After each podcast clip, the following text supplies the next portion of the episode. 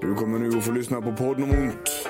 En podcast om självhjälp mot smärta och stress med mig, Björn Rodin och med mina kollegor från Kaladius Rehab.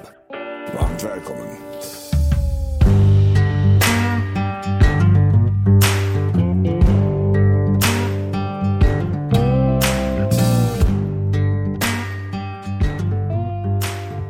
Vi är tillbaks!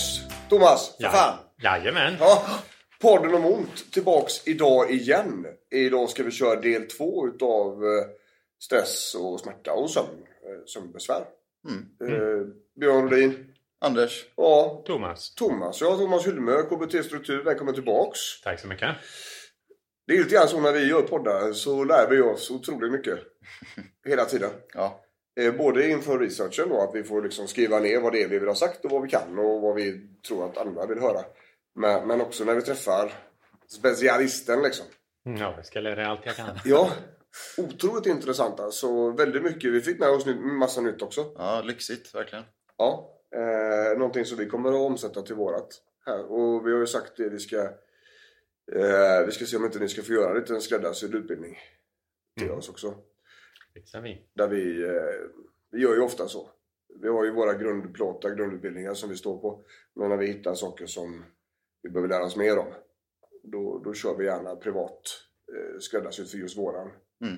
våran kundpersona. Eh, persona, Ja, men fortsätta utvecklas. Det händer ju mycket hela tiden. Ja, ja. Liksom, man är aldrig fullärd. Nej. Och vi gillar det formatet. Där, Mm. man sitter, där vi sitter och vet exakt vad det är vi kan och vad vi gör. Eh, och utbildaren kan göra samma sak. Liksom. Så, eh. Men förra gången, för fan, då snackade vi om sömn ju. Mm. Massa intressanta saker. Vi snackade om vad sömn är för något. Mm. Eh, och det var ju så gött att det gick inte bara att säga. Nej, Nej. Det är svårt att sammanfatta ibland. Ja, Ja, precis. ja. Att det, det spelar, alltså, sömn är, alla vet vad sömn är för något fram tills man ska skriva ner vad det är för något. Det är rätt mycket som är sådär. Eller hur? Jag tycker det är jätteintressant. Eh, jag ska också säga att vi hade lite ljudproblem förra gången. Ja, Ja, det, så kan det gå. tekniken. Lite så. Ja, acceptans jobbar vi på då. Jag var inte förkyld alltså, utan det var, Du satt heller inte under vatten. det var hårdvaruproblem. Ja, ja det var det. Eh, men livet är sådant ibland att det blir hårdvaruproblem. Mm. Eh, och det fick vi bara acceptera. Eh, och gå vidare. Mm. Helt enkelt. Det, det vi pratade om förra gången då, det är ju vad som händer i kroppen rent fysiskt och, och psykologiskt. Mhm. Och även socialt när, när sömnen fungerar och när det inte fungerar. Mm. Pratade om en del olika typer av besvär. Vi pratade om eh, eh, de här vanliga tipsen. Va? Ja, hur, eh, hur ja, det här mörkt, eh, svalt rum, eh, ingen telefon i sovrummet och de här Mm. vanliga Mm. sakerna man har hört. Fast det var ju rätt mycket mer än så. Mm. Mycket man kunde göra mer än bara det där. För det har ju alla redan läst. Absolut. Och i, grund och botten så kommer vi nog, om vi skulle försöka sammanfatta det med någon kärna förra avsnittet. Så är det ju liksom eh, på det mentala planet. Att det inte är, kanske inte är fullt så fysiskt som många kanske tror. Att man inte kan sova. mm. Just det, ja, det skulle jag säga är en ganska bra sammanfattning. Mm. Och det har jag tänkt på mycket faktiskt i veckan. Ehm, det hänger väl ihop lite grann med att, man är lite, att det är lite läskigt att prata om den psykiska hälsan. Hur man mår inuti. Mm. Jag brukar säga det till mina klienter. Liksom, det, det, är mentala.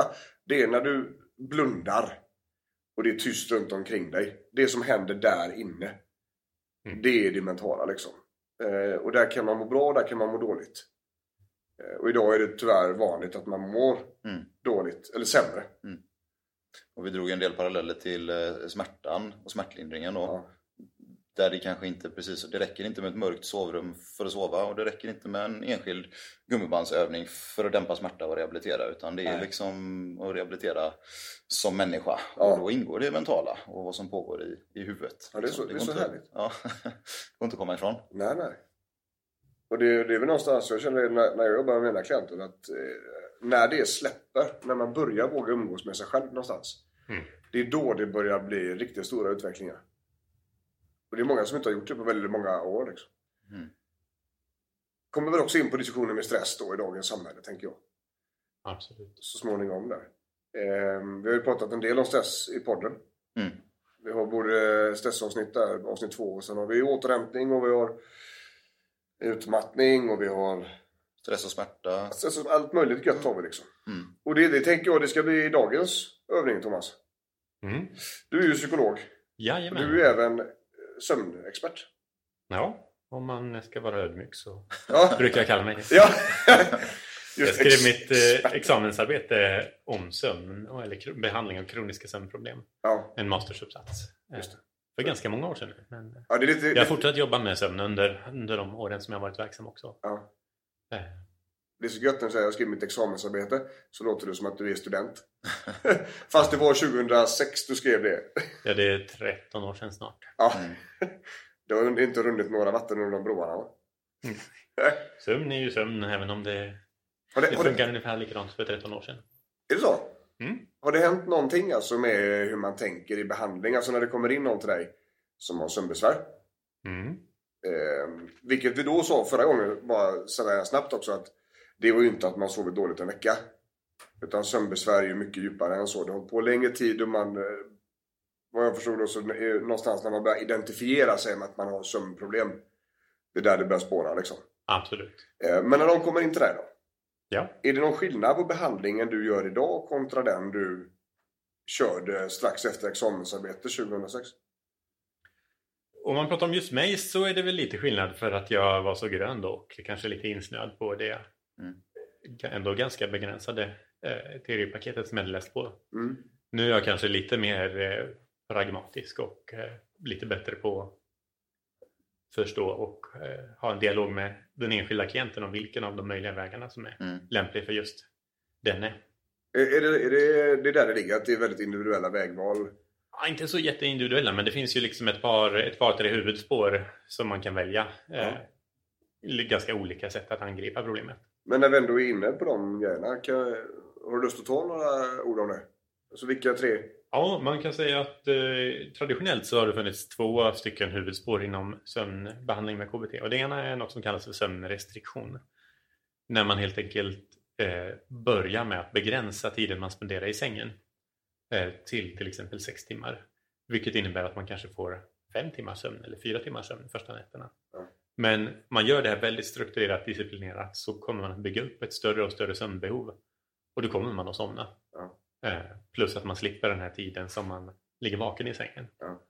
Och, och tricket med den här metoden då är att man gör det här en vecka och varje vecka så kollar man tillbaka och för dagbok på hur man har sovit. Och när man sover mer än 85% av tiden i sängen så lägger man på en kvart eller 20 minuter någonting sånt. Så man får lite mer säng, tid i sängen. Och sen hittar man någon sorts eh, break, eh, vad heter det? jämviktspunkt där man, Mm. där man funkar och sover ganska bra. Mm. Mm. Men det här är en metod som är, det kräver sin disciplin. Eh, den är rätt så tuff de första två, tre veckorna kanske innan, innan man börjar sova bra och eh, får höja upp tiden. Ja. Passar inte alla. Mm. En annan metod som alla har hört talas om nästan, fast de kanske inte har lärt sig det krångliga ordet, är stimuluskontroll. Som går ut på att man helt enkelt slutar ligga vaken i sängen. Och det gör man genom att om man lägger det, man får bara gå och lägga sig när man känner sig sömnig. Och har man sedan inte somnat efter vad som känns som ungefär en kvart eller 20 minuter så måste man gå upp igen. Sätta sig och pyssla med någonting stillsamt istället. Läsa en bok, eh, rulla tummarna, sticka. Mm. Och sen får, måste man vara vaken tills man känner sig sömnig igen. Inte trött utan sömnig. Och så får man göra ett nytt försök. Eh, och så håller man på så. Det kan hända att man får gå upp fem gånger och vara vaken nästan hela natten. Ja. Men så länge man gör det så minskar man den här kopplingen mellan att varje gång jag går och lägger mig så ska jag ligga där i två timmar och vrida mig. Mm. Eh, och då minskar på sikt uppvärmningen när man går och lägger sig. Och det ökar sannolikheten väldigt mycket att man ska somna. ja, just det. Och det, är den, det var den vi pratade om förra gången. Det gjorde vi. Stimulikontroll. Absolut. Att om man ligger kvar och, och vrider och det är liksom huvudet spinner igång när man har lagt sig ner så skit i att ligga kvar och gå upp och börja om. Liksom. Mm, precis. Eh, det var väl lite grann samma också att man inte kan eh, hitta något bekvämt sätt att ligga på. Mm.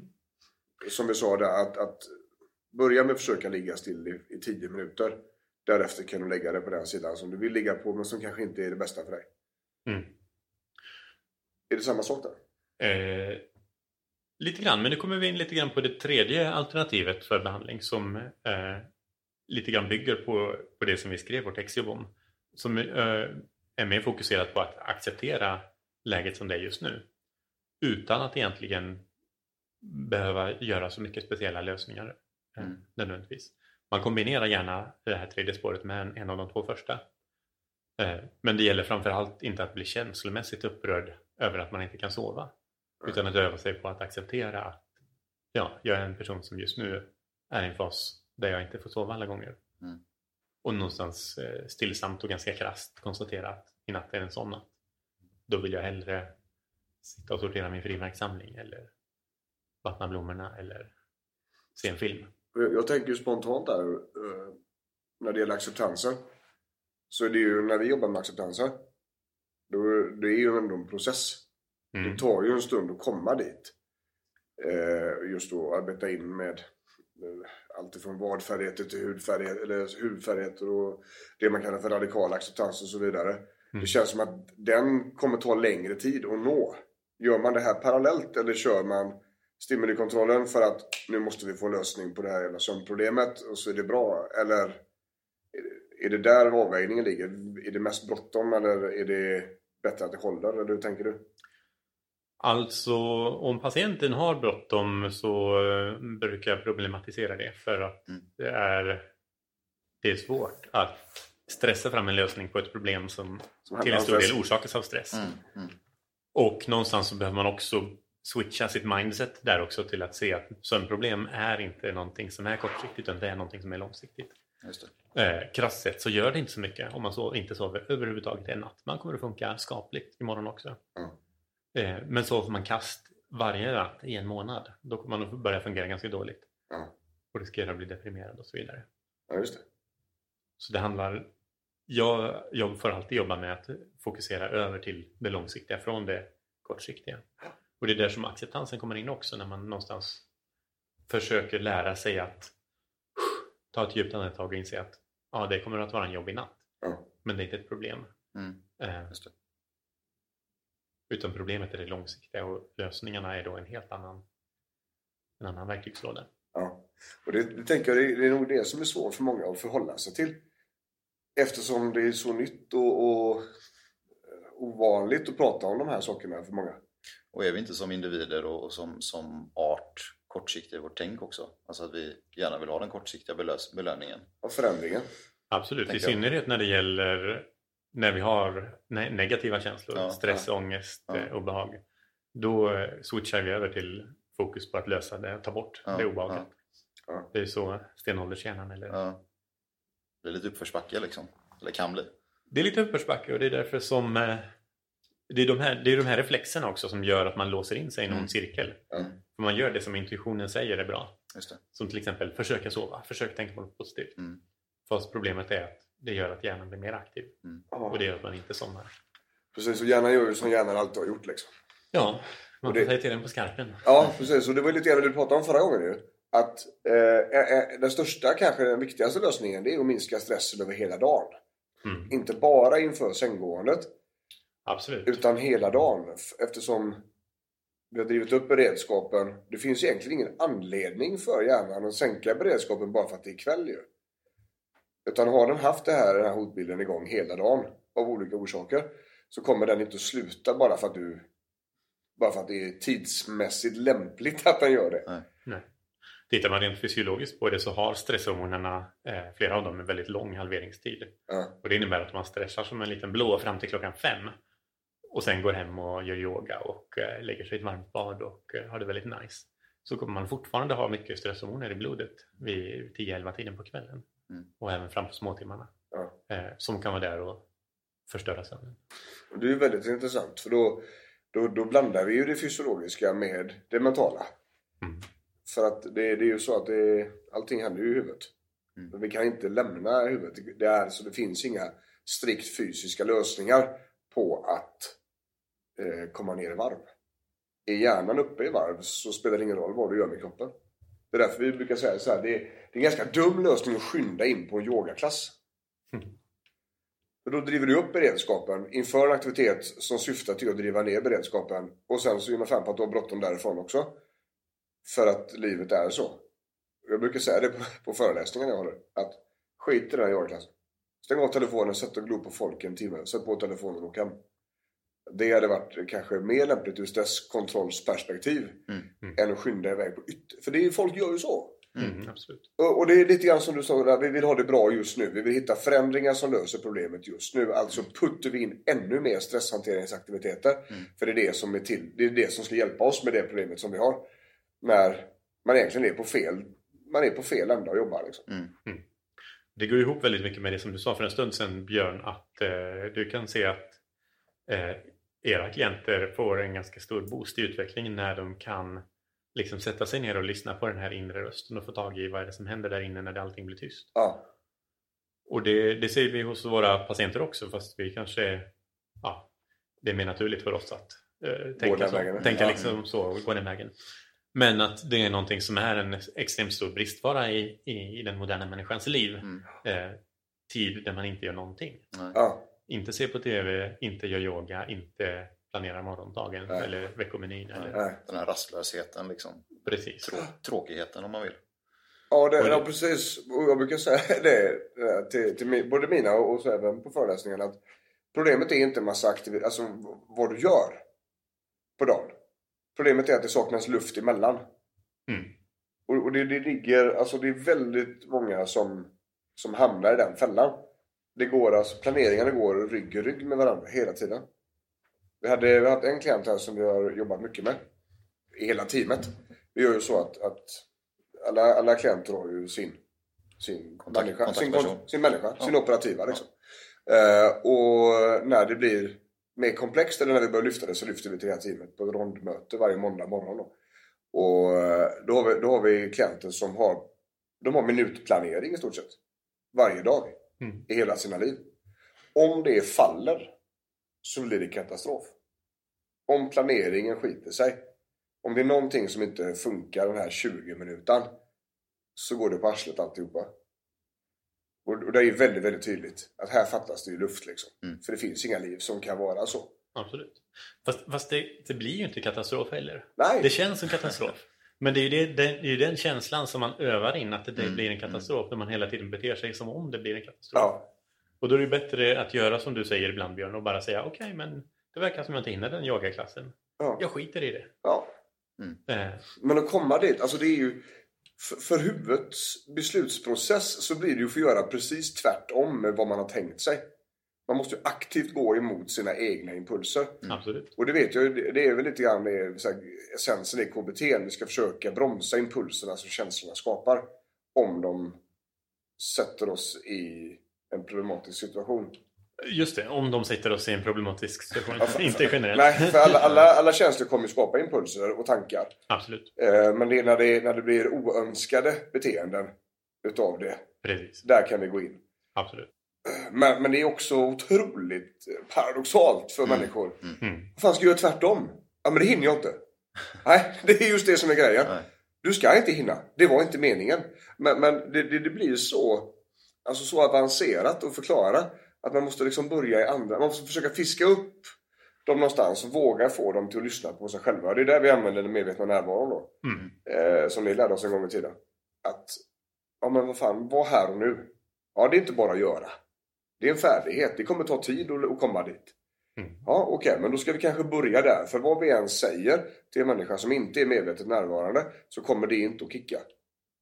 Då kommer vi lämna tillbaka till samma skräp som det var innan. Speciellt då, och så blir det lite mer ångest och så blir det ökar, så ökar känslorna, så ökar beteendet, så ökar tankarna, så är vi inne i en spin-off. Vilket ju då blir kanske som tydligast. Både när det gäller stressen kopplat till smärtbilden, Mm. som vi jobbar mest med, Mm. och sömnen. Jag tänker att det är de två liksom det ligger. Och mitt över det här, som ett täcke över alltihopa ligger stress. Om man skulle få göra en sån liknelse. Mm. Men allting börjar och slutar i hjärnan liksom. Mm. Det är så. Det, det, det är där vi, vi landar. Och jag tänker att det, det är lite grann det vi ska snacka om idag Thomas, där, va? Tänkte vi. Mm. Eh, för vi frågade dig om lite strategier. Vi var inne en del på det förra gången. Just, eh, ja som vi pratar nu. De här tre valen. Är det, är det, det finns ju olika typer utav sömnbesvär. Vi har, kan, vissa har problem att somna. Mm. Andra har problem med att de vaknar upp en miljon gånger. Mm. Eh, och någon tredje vaknar väldigt tidigt och kan inte somna om. Mm. Och sen har vi identifierat den här också. Det är det här där, där sömnkvaliteten är dålig. Mm. Man ligger som något, något mellan, en gråzon. Man är inte vaken men man sover inte heller. Nej, det känns det. som att man precis är under ytan bara hela natten och vaknar lika trött som man gick och la sig. Ja. Kan du säga någonting om de olika typerna av besvären? Alltså, Absolut. Eh, det vanligaste brukar vara, eller som jag stöter på i alla fall, är ju att man har svårt att somna in. Ganska typiskt så upplever man att man har svårt att somna in för att man ligger och tänker. ja. Eh, och så kan det säkert vara också. Men, men här är det också lite svårt att dela upp det renodlat, säga vad är kroppen, vad är, vad är själen. Mm. Eh, jag brukar se det som att eh, kroppen och själen är ju ändå samma sak. Själen sitter i kroppen, Ja. hjärnan är en del av kroppen. Ja. Mm. Eh, men, men, för det är ju så också att har vi en hög halt av stresshormoner till exempel så, så kommer tankarna att fara runt mer än om vi hade varit helt lugna. Ja. Men det är också, tänker jag, en, en, ett symptom på det här som vi pratade om alldeles nyss. Att när man går och lägger sig, släcker lampan. Det är första gången på dagen som man har en, tid för, en tyst stund för sig själv där man får reflektera. Det där är bra alltså. Och då är det ju så här, ja men då måste det här, då måste det puttra färdigt innan det kan stänga av. Det är precis som när man stänger av Windows ibland och det är Mycket bara så här, back. åh jag ska uppdatera i en Ja. halvtimme först. Ja, mycket som hinner i fatten liksom. Ja, kan vara så. Ja. Det där är bra. Det där är, det där är ju en vinkel många inte tänker på. Nej. Att det är första gången som du är själv med dig själv. Mm. På hela dagen. Det är klart att du kommer att ha frågor till dig själv. Mm. Du har ju gått igenom en hel dag utan att umgås med dig själv. Mm. Naturligt, alltså det säger ju, sett ur det perspektivet så säger ju det sig självt. Mm. Att det inte bara är att somna då. Om det inte är att man är typ utmattad. Att man är så trött så man orkar inte med sig själv heller. Mm. Och därmed också somna. Och jag tänker om man gått, ha, ha, ha, lever man ett sånt liv då har du också samlat på dig kanske ännu mer intryck. Ja. Alltså om du, om du är aktiv så att säga i 18 timmar jämfört med 8 timmar. Ja. Det är ännu mer som ska hinna bearbetas på den lilla, lilla stunden som man har för sig själv. Ja. Det blir liksom dubbelt jobbigt. Ja. Mm. Så en lösning på det här är ju helt enkelt att försöka, eller försöka, att göra det. There is no try som Yoda säger. ja.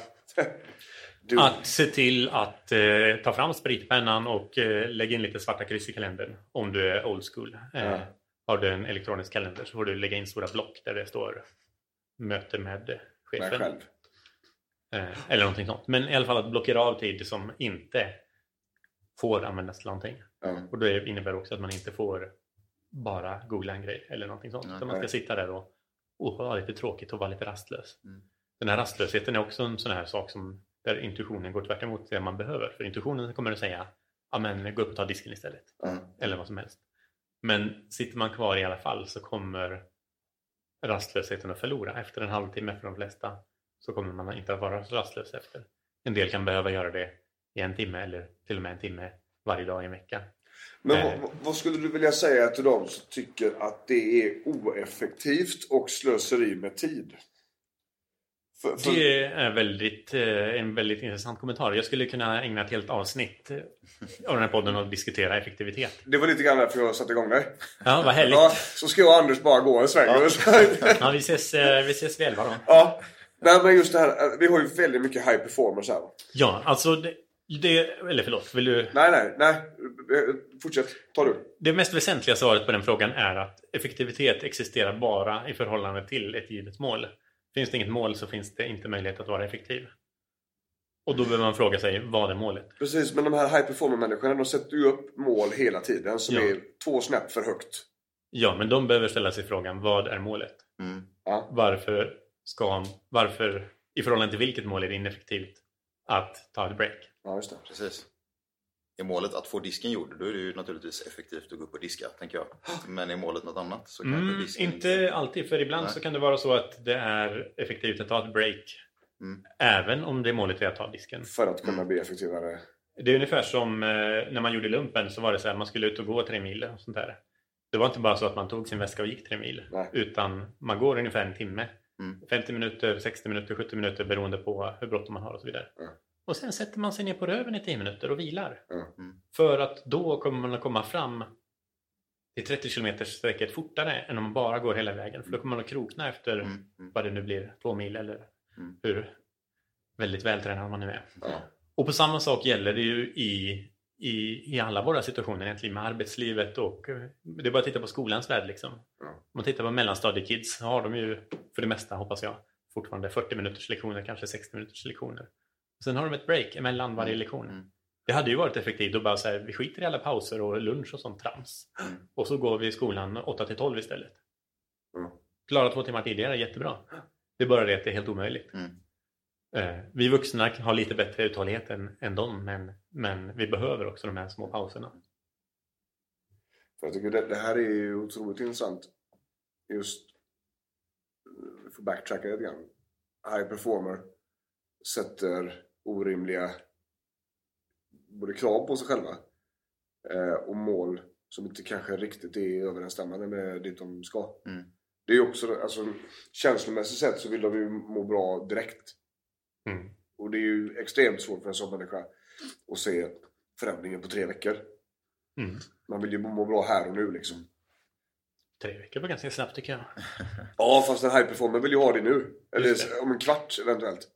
Men det är där man behöver någonstans gå in och öva upp sin medvetna närvaro lite grann och vara medveten om att å ena sidan så har den här känslan, impulsen och viljan, driften att jag vill ha det nu, nu, nu, nu, nu. Ja. Och sen å andra sidan eh, gå in med sitt rationella förnuft och se att okej, men här är verkligheten. Eh, det här är liksom den rimliga prognosen och det här är mina faktiska alternativ. Ja. Och sen så hålla de två i åtanke samtidigt och någonstans tycka lite synd om sig själv för att man inte får det man vill men ändå så här agera på verkligheten och inte på sin fantasi. Och, och även då att man eh, synliggör vad förändringen kommer bli på sikt. Okej, du gör det här idag, men det här kommer hända så småningom om du fortsätter så här. Gör du de här förändringarna då som inte är riktigt så goda så kan du på sikt få en annan Mm. grej. Liksom. Vill du minska din stress, har du stressbesvär, ja de kommer ju någonstans ifrån. Så är det ju. Och, och då får vi ju, vill du bli av med dem så måste man ju göra insatser för att de ska försvinna. På olika sätt, både med sig själv och kanske i sin omgivning tänker jag. Mm. Men, men det är ju otroligt komplicerat. Det, det är så, just det här att hålla två saker samtidigt. Två mentala inriktningar på en gång. Det är många som har svårt för det. Men det är också för att vi inte övar så mycket på det. Mm. Och jag, jag tror det känns som att vi, vi, vi har hittat någon form av grundbult här liksom. Det, det är att man bristen av att umgås med sig själv. Mm. Luckorna på dagen när man inte gör någonting kommer att både hjälpa till med stress eftersom vi, vi sänker beredskapen genom återhämtning. Mm. Eh, att umgås med sig själv kommer ju innebära att man är mer medvetet närvarande ändå. Mm. Vilket i sin tur gör att vi sänker beredskapen hela dagen och får därmed lättare att somna. Men det innebär också då att första gången eller vi umgås med oss själva är inte när vi släcker lampan. Nej. Too little too late. Liksom. Ja, Sen kan det vara lite fördröjning på de här grejerna också vill jag slänga in en brasklapp för då. ja, Att om man, om man är en av de här high performerserna som du pratar om till exempel som lever ett väldigt hektiskt liv och så ska man öva sig på att avsätta en halvtimme om dagen där man sitter i en fåtölj och dricker te. Så Så får man nog räkna med att första gångerna så är det här en ganska obehaglig aktivitet. Mm. Ungefär på samma sätt som att eh, folk som sportar mycket de tycker det är gött att gå ut och springa milen. Mm. Eh, Medan någon som har varit soffpotatis i tio år kommer inte tycka det är så skönt att gå ut och springa tre kilometer. För det Mm. kommer mest att göra ont Mm. första Mm. gångerna. Det kommer att ta en månad, sex veckor innan det är skönt. Ja.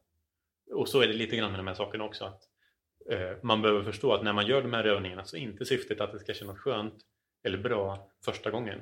Nej. Det ska kännas skönt efteråt. Ja. Eller efteråt när man har gjort det i en vecka. Ja. Eh, kommer inte kännas bra på en gång. det är väldigt, eh, Så, väldigt typiskt det vi har. Ja. Så poängen är att när man gör det i början så kan det kännas som att man går upp i varv ännu mer för att man blir så rastlös att man håller på att explodera. Eh, Det är ett tecken på att man antagligen behöver göra mer av det här. Ja. Mm. Och vi brukar ju, för att stävja det här obehaget, så brukar vi ju ha ganska ordentlig med utbildning innan. Mm. Förklara vad syftet är med övningar. Varför vi gör det vi gör. Hur lång tid det förväntas att ta. Eh, hur många gånger om dagen det är vettigt att vi gör det här och vad som kommer i nästa steg. Om man lyckas göra det här och, och lär sig de här färdigheterna på ett bra sätt så går vi vidare till detta. Och det som kommer hända ungefär då det är att det sjunker. Mm. Eh, Även om det inte går att säga så specifikt så, så är vi ändå ganska tydliga ramar om vad man kan förvänta sig. Eh, ur vårt perspektiv då liksom. Mm. Ja, men lik, liknelsen med, med den fysiska aktiviteten och fysiska träningen är ju bra. Alltså, det går ju inte att köra ett träningspass och bli stark. Nej. Utan det är kontinuiteten över tid som ger effekt. Ja. Eh, jag tänker att det är likadant med det mentala. Mm, Eh, absolut. mm. Det, det är liksom träning av hjärnan. Det är ingen eh, det är ingen symptombehandling utan det är träning för att vi ska bli starkare. Och därmed också kunna leva ett skönare, sätt, skönare liv. Mm. Men, men det här medvetna närvaron, är det någonting som borde finnas i människan? Från början liksom? Eh, Så kan man väl inte fråga. Jo, jo. Nej, jag tänker mig bara att det, det, det låter ju som att det här hade varit vettigt för alla att ha överallt hela tiden. Ändå Mm. har vi det inte idag. Finns det i grund att det är samhället som driver bort det? Eller är det här någonting vi har insett att men det är vettigt att vi, att vi gör det här med huvudet? Alltså vi har ju faktiskt det här alla i någon mån. Eh, I olika grad. Ja.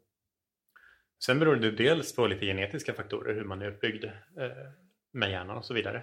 Men vi har ju, de flesta av oss i alla fall, en, en relativt god förmåga att reflektera kring, kring oss själva, kring vad som händer, kring vad vi känner.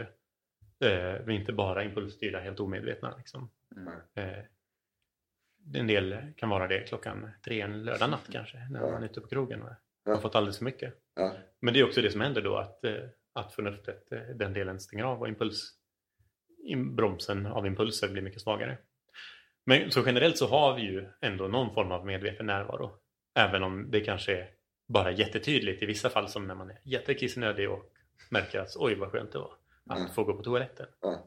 Eller, ja, konstigt exempel kanske. Nej men är det framtid, alltså det blir... Men, men, men det är också så att ju mer stressad man är, som jag var inne på förut, ju mer stressad man är, ju mer man har av någon negativ känsla, desto mer drar det här systemet igång som neandertalsystemet som vill få oss att Mm. allting handlar om att ta bort den känslan. Det är det som händer i sådana här stora folksamlingar som får panik till exempel. Att då slutar man plötsligt bry sig om sin medmänniska utan det enda som händer när man har panik är att jag ska överleva. Mm. Eh, och det kan man inte välja. Eh, det har ingenting med moral att göra och så vidare utan det är paniksystemet som drar igång. Mm. Och det är på samma sätt som om man fastnar med eh, jag vet inte, badbrallorna i spiken nere på bryggan eller något sånt där Mm. under vattnet. Så kommer man att slita sig loss och det spelar ingen roll om man får ett djupt jack som måste in och sys. Mm. För det viktiga är att man kommer ut uppe till ytan och andas. Mm. Eh, men nu tappar jag tråden lite grann nästan. Eh, Det var nära. när, när man, ju mer stress man har, desto mer fokuserad blir man på att eh, styras av dem, att få det bättre just nu. Man blir Mm. mer impulsiv. Mm. Eh, mer, mer styrd av de snabba kickarna. Mm. Och det gör också att det blir svårare att vara medvetet närvara, närvarande. Ja. Så, Det finns i oss alla men eh, vissa saker sätter ur spel och gör det svårare att få kontakt, med de absolut. egenskaperna liksom. absolut. Mm.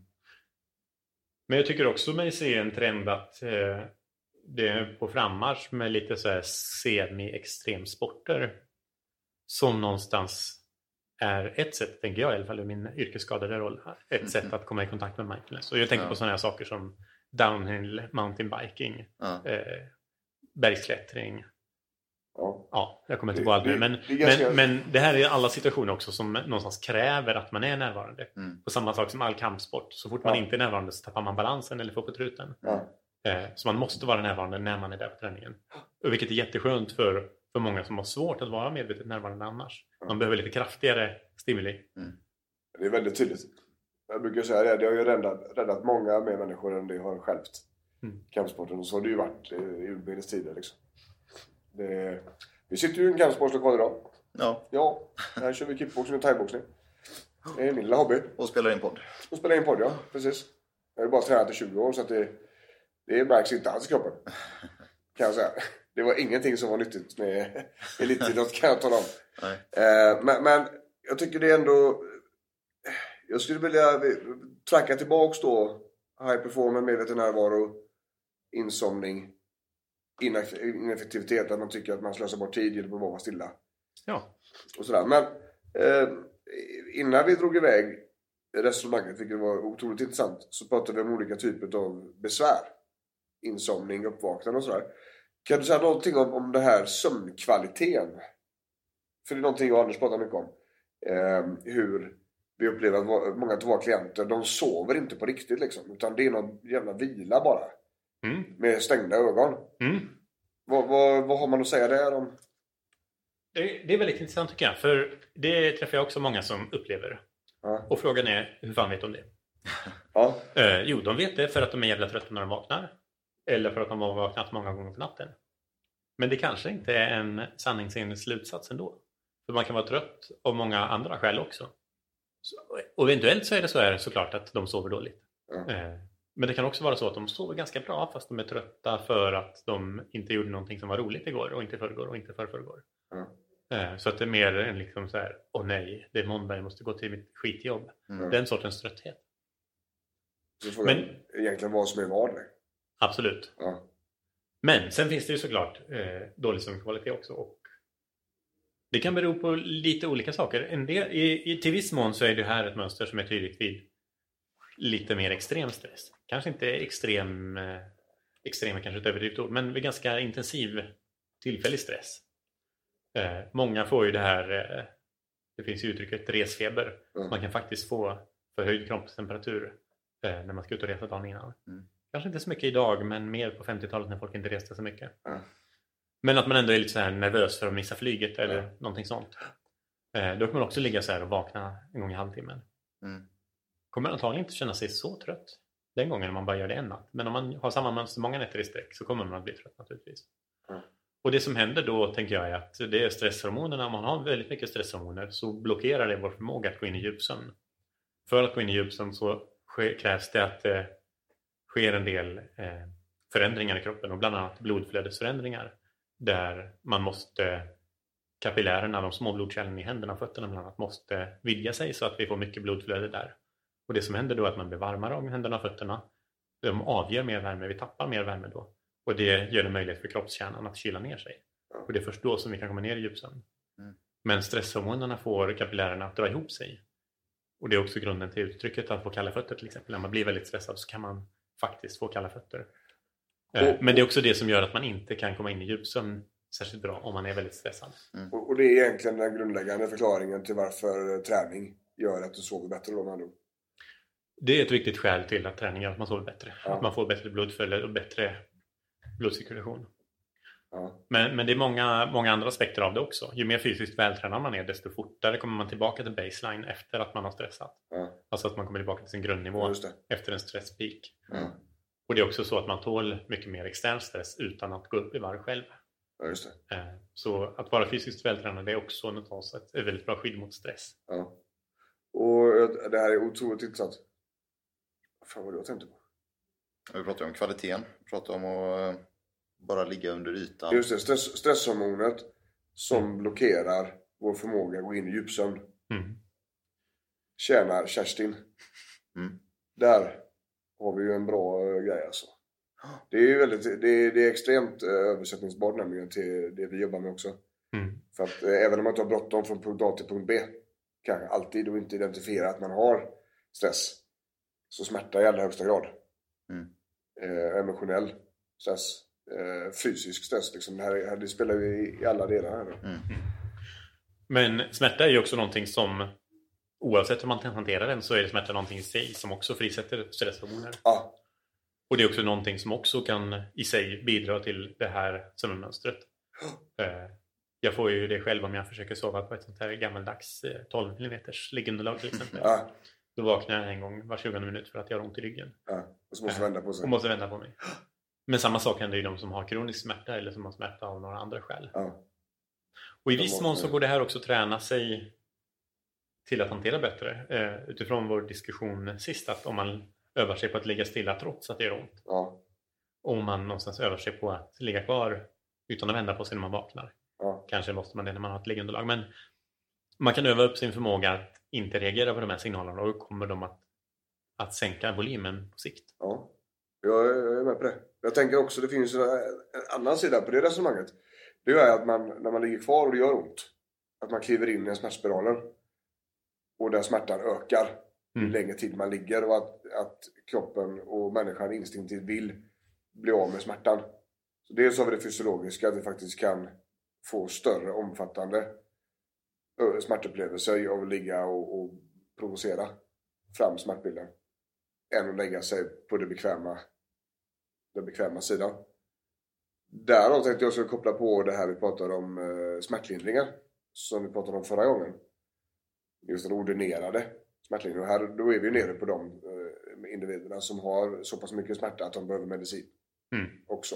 Men att det inte bara handlar om att ta medicinen inför natten utan ta den som läkaren har tyckt att du ska ta den. Mm. För att hålla ner smärtbilden över hela dagen och för att inte driva in dig i en, i en, i en smärtspiral helt enkelt. Mm.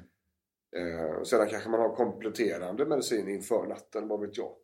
Men, men eh, den grund basic eh, baselines-medicinen där, Mm. den bör man ta som, som är tänkt även om man inte har ont. Och helst då innan man får ont igen. Mm, precis. För att bryta smärtspiralerna liksom. Mm. Då blir det, det blir ju den enklare att göra och öva sig att ligga kvar. Fast det bara är obehagligt liksom. Sen måste vi också någonstans betona här att det finns ju de också som har så pass mycket smärta att de kommer att vakna. Mm. Eh, De kommer att ha den här typen av eh, fragmenterad sömn. Ja. Och de kommer att vara tröttare. Ja. Och för det mesta så finns det saker man kan göra för att få bättre sömn. Men jag vill vara tydlig också med att vi kan inte sitta här och säga att alla kan sova bra. Nej. Eh, Så är det inte. Alla kan inte sova bra. Eh, Tyvärr. Ja. Men då finns det också antagligen en viktig acceptansbit att jobba med där. Ja. Eh, Just kring den sorgen över att inte få sova. Och i relation till eh, citatet “Jag har provat allt” så är väl ambitionen med de här avsnitten att ta upp saker som kanske inte har provats innan. Ja. Mm, Och veta att ja, kan jag i alla fall sova bättre Ja, absolut. med lite andra verktyg än det jag testat innan. Så är ju mycket vunnet. absolut. precis. Så nu, nu har vi ju, nu, nu, det är en ganska tydlig röd tråd där. Det är lite grann därför du, psykolog-Thomas, är här. Absolut. För vi visste var det här var på väg. Så att säga. absolut. Eh, Men sen ja. måste jag kasta in en till grej här om, Kör. om det här eh, sömnmönstret. Det är ju väldigt viktigt med just de här också att kolla den fysiska sovmiljön.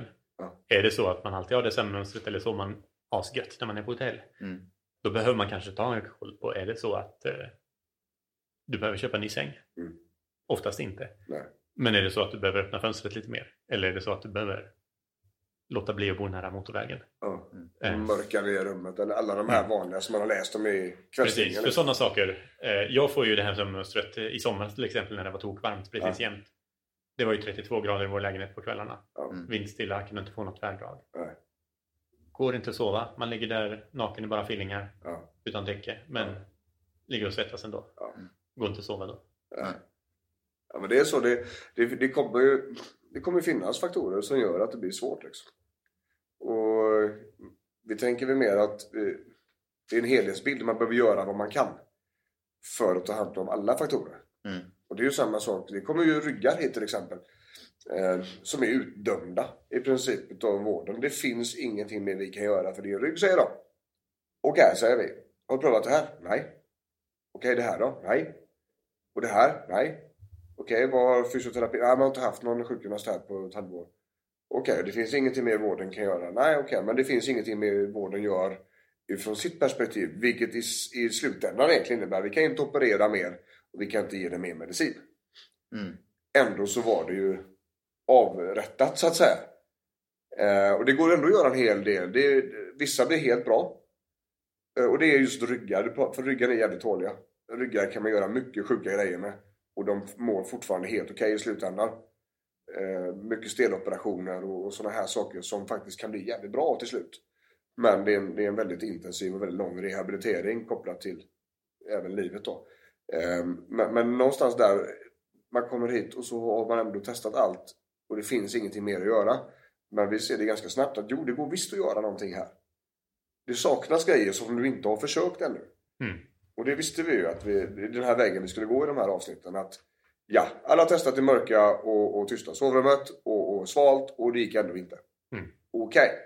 Men det här då? Ja, jag har så mycket att göra på jobbet så att det... Nej, nej, nej. Jag kan inte sänka det tempot. There you go. Där har vi ju någonting. Och på så vis så liknar ju smärta, som du säger nu, sömn väldigt mycket också.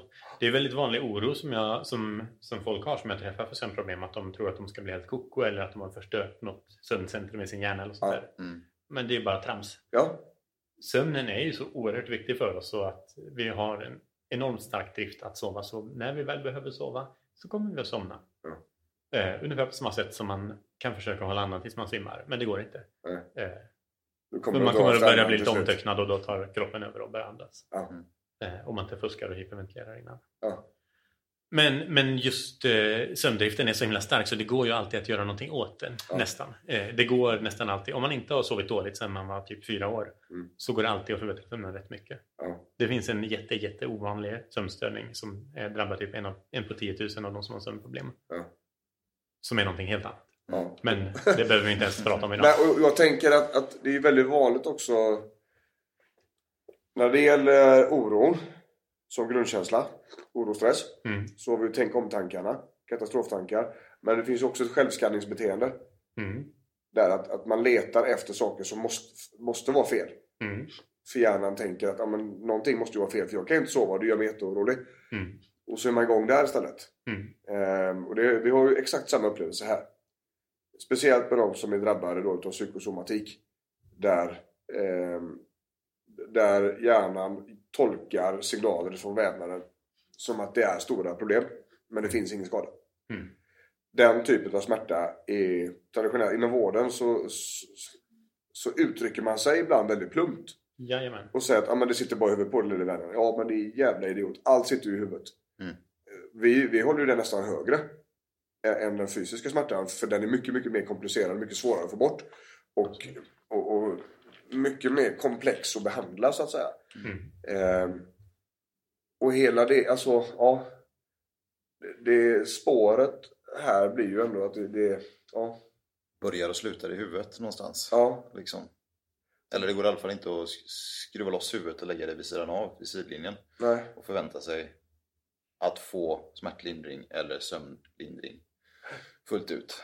Nej. Eller göra så mycket som man kan i alla fall. Ja, just med de här grejerna så löser ju kroppen inte det. Eh, Nadja, barnmorskan, vår kompis, Mm. hon berättade det att eh, när det gäller förlossningar, då hade du kunnat skruva av huvudet och ställt det- på en hylla bredvid. Och kroppen hade förlöst det barnet i alla fall. Mm. Men det funkar ju inte så för sömn. Nej, det är tur att du sa att det var Nadja som sa det och inte tre män som sitter här och pratar Ja. förlossningssmärta. Ja, nej men det, det är alltså det här det är så komplext och det hänger så, så tätt ihop. Både med smärta och sömn. Och just det här med, med huvudet. När, när stressen spinner igång. Att problemen blir... Det är som ett täcke över alltihopa liksom. Mm. Där, där stressen är... Det är så omfattande. Det är så mycket mer än vad folk kanske tror.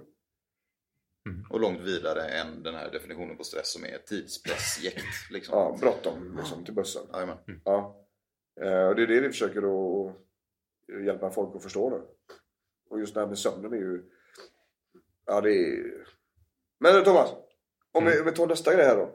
Eh, när, när ska man ta hjälp liksom? Vi pratade lite grann om det förra gången. Ska vi inte ta eh, de andra sömnproblemsmönstren först? Jo, det kan jag alltså, absolut. Det Vi, jag vi tar dem lite snabbt i alla fall. Ja, ja, men vi hade ju... Okej, vi, vi snackade ju om sömnkvaliteten. Att det var lite sådär. Ja. Vi visste inte riktigt vad som är vad. Vi visste att det finns de som faktiskt eh, vaknar och somnar, vaknar och somnar. Men eh, även den här kvaliteten är dålig. Det var ju frågan, vad är vad? Hur vet du att kvaliteten var dålig?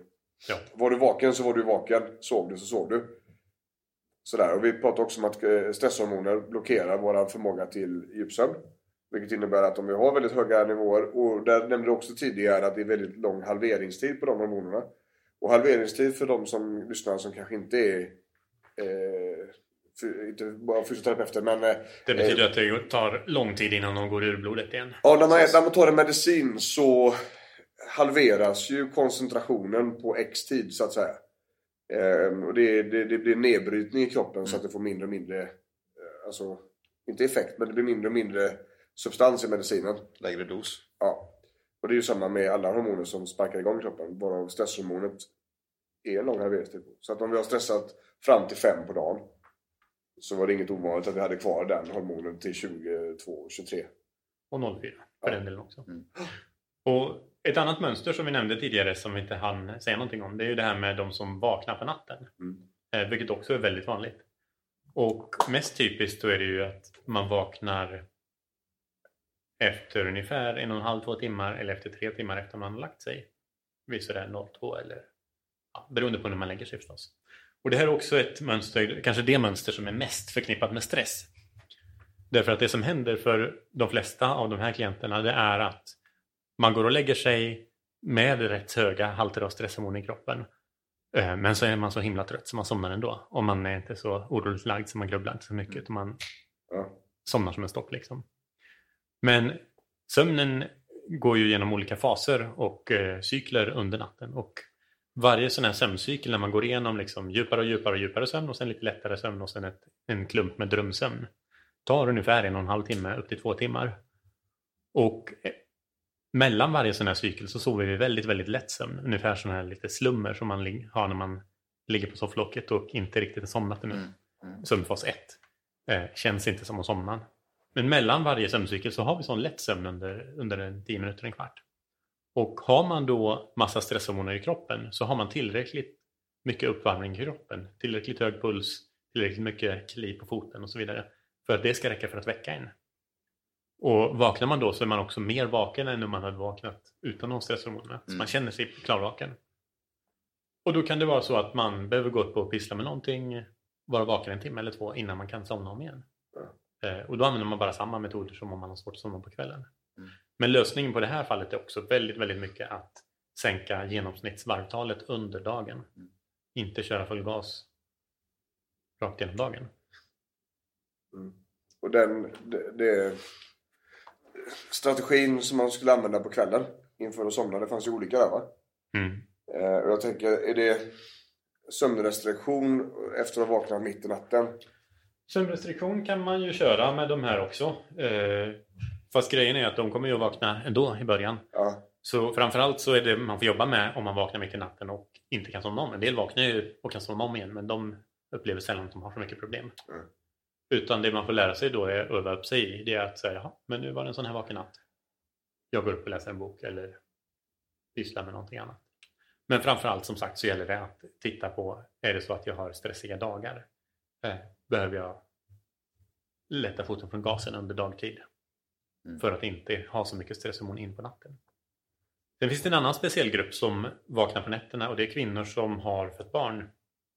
Eh, som väldigt ofta under sista trimestern av graviditeten lägger sig med vanan att gå och kissa på nätterna för att barnet trycker på kissblåsan. ja det. Eh, inget konstigt med det. Och sen ammar man väldigt vanligt. Uppe varje natt och ammar och då är man lite kissnödig så då tänker jag "Ah, jag ska bara gå och kissa också. Mm. Och sen så har man sin eh, kanske ettåring och tvååring och man ligger fortfarande lite grann där och lyssnar efter knyst och barnet knystar ju. Ja. För all del. Och så går man upp och tittar till dem och känner att nej men jag är lite kissnödig, jag går och kissar också. Och sen så en vacker dag så är barnet lite större och knystar inte så mycket längre men man vaknar till så här. Och sen hörde jag någonting? Så bara, nej det gjorde jag nog inte. Jag är lite kissnödig. så jag går och kissar. Och problemet med det här det är att det är en jätte, jättestor skillnad på att vakna och känna sig kissnödig, resa sig. För det som händer när man reser sig det är att pulsen, blodtrycket går upp med typ 20 procent. Mm. Eh, Så fort man sätter foten i backen och reser sig. Och sen så tar man en liten promenad till toan också. Tittar, tänder lampan kanske, vaknar till. Men framförallt är det fysiologiska av att bara dra igång eh, de stora muskelgrupperna genom att resa sig. Ja. Så tränar man in kroppen att varje dag vid ungefär den här tiden så ska vi ha lite Mm. aktivitet. Mm. Mm. Och det är bara det som gör att man vaknar. Så tricket för de här är att man får vakna, känna sig kissnödig och sen får man säga till sig själv att jag ska testa och somna om i alla fall. Och blir det kris och panik så kommer jag väl vakna igen. Men att i alla fall försöka somna om trots att man är kissnödig. Eh, Och för nästan alla så kommer det att ta ungefär två veckor. Eh, Sen kommer man inte vakna på nätterna längre. Om man lyckas somna om utan att kissa. Mm. Ja. Den är intressant. Att Fast- kroppen lär sig internalisera liksom den här eh, lilla uppvärmningen då. Oavsett eh, hur kissnödig man är. Ja men det är precis som många, många som går till Kneget och går upp klockan sju. Ja. Och efter ett antal år med att göra det så börjar man vakna klockan sju på helgerna också. Ja. Ett bittert öde tycker somliga. Men, men kroppen har en väldigt stor förmåga att lära sig sådana här saker. Mm. Ja, den kopplingen ser man ju inte alltid. Liksom. Nej. Så kissnödig kan ingen vara liksom. Om du inte har rim- rimmersituation. Nej. Ja. Och sen har vi de här som vaknar tidigt på morgonen också. Ja, just det. Som ibland är lite svårare att göra någonting åt. Det kan också vara lite grann som de tidigare, att man, att man har lite för mycket stress och att man helt enkelt vaknar därför att man har tillfredsställt det största sömnbehovet. Det kan också vara goda nyheter ibland, nämligen att man är en sån här människa som inte har så himla stort sömnbehov. Och man vaknar efter sex timmar för att man faktiskt har sovit färdigt. Mm. Och då kan man helt enkelt prova och se om man ska sova lite mindre. Mm. Och lägga sig lite senare eller planera in vad man nu ska göra på morgonen när man vaknar. Men det är också ett mönster som kommer ibland till exempel i samband med depression och en del andra åkommor. Ja. Och då är det antagligen det som ska lösas för att man ska sova bättre. Men, men tänker du där alltså när, när det gäller depressioner? Vi, vi har ju ett avsnitt på gång om det där. Mm. Just när det gäller eh, stress och smärta och depression. Mm. Eh, eh, om den dyker upp så att säga, den diagnosen. Ja. Är den först ut att ta hand om dem? Eh, nej, eh, inte alltid. Nej. Jag tänker i förhållande till sömnbesvär. Det beror på. Ja. Har man en lindrig depression men allvarliga sömnproblem så skulle jag absolut behandla sömnproblemen först. Ja. För det är också en, en det är inte en sjukdom, depression alltid. Eh, eller inom KBT så ser vi det väldigt sällan som en sjukdom utan har man till exempel allvarliga sömnproblem som bara dominerar ens liv totalt och man har tappat sitt sociala umgänge för att man inte orkar vara med på grejer. Man orkar inte göra roliga aktiviteter med sina barn och skäms för att man är en dålig förälder som inte orkar. Så är det en fullkomligt rimlig respons att bli deprimerad för det. Eh, för det är inte så man vill ha det och det är inget kul liv. Nej. Fixar man sömnproblemet då så kommer antagligen depressionen ge med sig. För det i sin tur ger mer energi vilket gör att du orkar göra mer roliga saker. Ja, men plus att man blir på bättre humör när man, man blir ju på lite halv, halvdeppig när man har sovit så dåligt. Ja, just det. Så det varierar rätt mycket. Mm. Jag skulle försöka göra någonting åt det som är lättast eller mest sannolikt en framkomlig väg. Mm.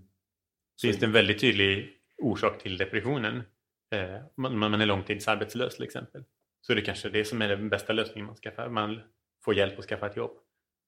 Eller är det så att man har slutat umgås med sina vänner så kanske man ska göra det lite mera. Men vi tar det i ett annat avsnitt som är mer fokuserat på depression Ja, jag. tror det. För det, det kommer att ge... Jag tror det... det Jag tror vi kan sitta här vi, har, vi har gått i många timmar ja, annars. ja, jag tror det. För det, det ger, alltså... Jag tänker att de här diskussionerna ger den följdiskussioner. Okej, så- men när det inte har funkat då, det, det liksom är nattsvart. Att, vad, vad gör vi åt det? För Mm. att det, eh, mycket går att göra där med. Mm. Såklart. Men, men jag tänker vi ska avrunda avsnittet idag. Och del två utav sömnbesvär. Just med när det gäller när vi ska söka professionell hjälp då. Eh, ur vårt perspektiv så eh, smärtan och stressen är ju väldigt centralt. Dels för att det är det vi jobbar med. Men vi ser ju också att det är väldigt svårt att komma undan smärtan om man inte har verktyg Mm. till att ta hand om det. Dels akut, alltså få ner smärtbilden just nu. Eh, och även då skapa en förändring på sikt. Att man rehabiliterar det som gör ont. Liksom. Mm. Eh, stressen är ju som ett täcke över allt vi berör i princip. Eh, och där finns ju all anledning till att adressera den på ett väldigt tidigt stadium. Många fall som kommer hit, då börjar vi där. Mm. Vi bryr oss faktiskt inte hur ont de har. Eh, det är klart vi bryr oss, men, men det är inte där vi börjar. Utan det spelar liksom ingen roll vad vi gör med en viss typ av åkommor här. Om stressen är så hög. Mm. Utan då riskerar vi bara att göra det ännu sämre. Mm. Ge övningar till någon som är fantastiskt överrörlig. Enorma muskelsmärtor och en trötthet, alltså en fatig. Det hade, det hade varit rätt kontraproduktivt för oss. Vi Mm. behöver börja med att sänka, eh, sänka beredskapen i kroppen. Alltså sänka stressen. Eh, och också höja, disponera och höja energinivåerna. Där först efter tar vi ett avstamp i och kanske göra övningar och sådär. Liksom. Och sömnen, det har vi pratat om. När man har sömnbesvär. Vi pratar, det är väldigt olika såklart har du sagt. Men någonstans om 30 dagar. Eller en månad. Mm. Och att, man börjar, att det börjar bli problem utav det. Att man börjar identifiera sig med att man har sömnproblem. Och det, det har ätit sig in i livet. Inte bara kanske att man är trött. Utan att man börjar få ångest inför att gå och lägga sig ikväll. Och att det, man förväntar sig att det blir bes, besvär så här. Mm. Någon, skulle du säga att det är där man ska söka den professionella hjälpen? Ja, alltså första, ungefär så. Första månaden med sömnproblem så är mitt råd bara försök ta det chill. Det, det är helt normalt. De flesta människor har perioder i livet när man sover kass Ja. i upp till en månad eller flera månader. Mm. Och i de flesta fall så går det faktiskt över av sig själv. Så typ, calm the fuck down, you got this. Och ju mer chill man tar det desto fortare och desto mer sannolikt kommer det att gå över. Oh. Passerar man månadssnåret så lider man jättemycket av det. Ja, sök professionell hjälp genast. Det är väl lika bra. Lider man lite halvdant av det så finns det också lite så här halv mellansteg att ta. Det finns utmärkta självhjälpsböcker om KBT-sömn till exempel. En, framförallt en bok av Marie Söderström som jag kan rekommendera. Ja. Som heter Sov bättre med KBT eller någonting sånt. Jag kommer inte ihåg titeln exakt. Men Marie Söderström har skrivit den i alla fall. Just det. Eh, där det är liksom så här ett steg för steg program under 8-10 veckor, någonting sånt. Ja. Gör det här. Eh, och det kommer de att gå igenom bland annat stimuluskontroll och sömnrestriktion och Ja. känslor och tankar inför sömnen och sånt som jag pratat om idag.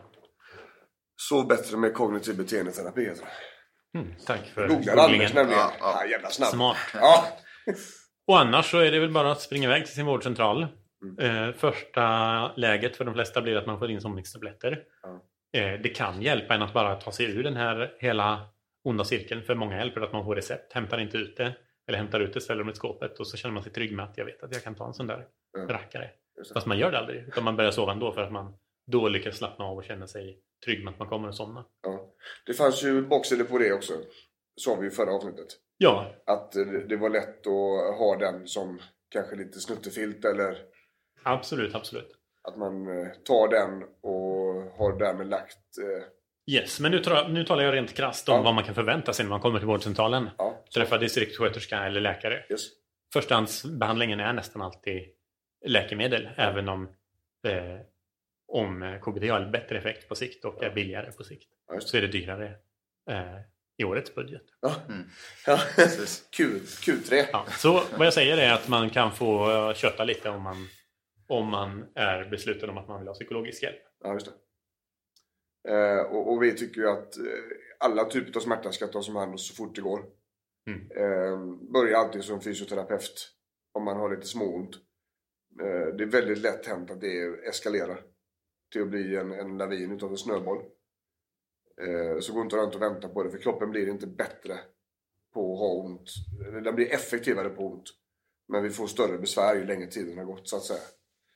Och om man har problem med bägge två så eh, kan det absolut behövas ju vara antingen på ett ställe som jobbar med både KBT och fysioterapin och så här liksom.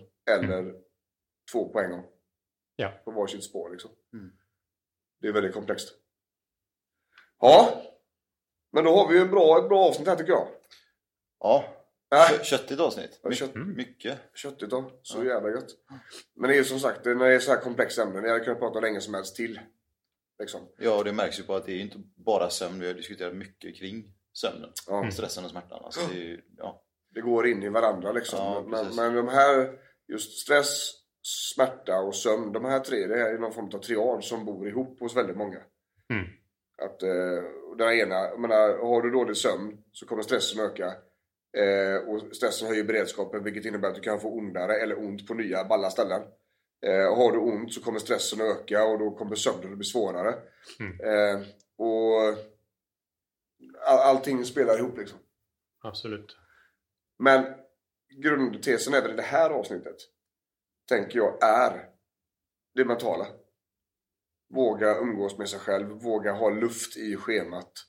Våga jobba med medveten närvaro. Vi har lite eh, enkla medveten närvaroövningar som ligger i podden också, övning 1 och 2 här. Just när det gäller mentala återhämtningen så är det inte bara att sova. Det är ett helt avsnitt om det faktiskt. Mm. Där vi förklarar med den emotionella återhämtningen där vi ska göra roliga saker. och Där, där vi ska göra lustfyllda saker och där vi ska ehm, få en ny energi. Det är, det är en viktig del också. Absolut. Ehm, vi pratar om olika strategier idag. Vi pratar om olika typer av besvär, insomning, uppvaknande, för tidigt vaknande, dålig sömnkvalitet och så vidare. Eh, dagens häftigaste tycker jag ändå är att eh, det är som halveringstid på stresshormoner. Att det inte alls konstigt att du inte kan somna om du stressar på dagen. För att de blockerar våran eh, djupsömn. Så att därav kan det bli då att det är sämre sömn. Man kan somna för att man är däckad helt enkelt. Men att kvaliteten kan bli sämre för att vi inte går in i djupsömn för att det finns så mycket stresshormoner i kroppen från tidigare på dagen.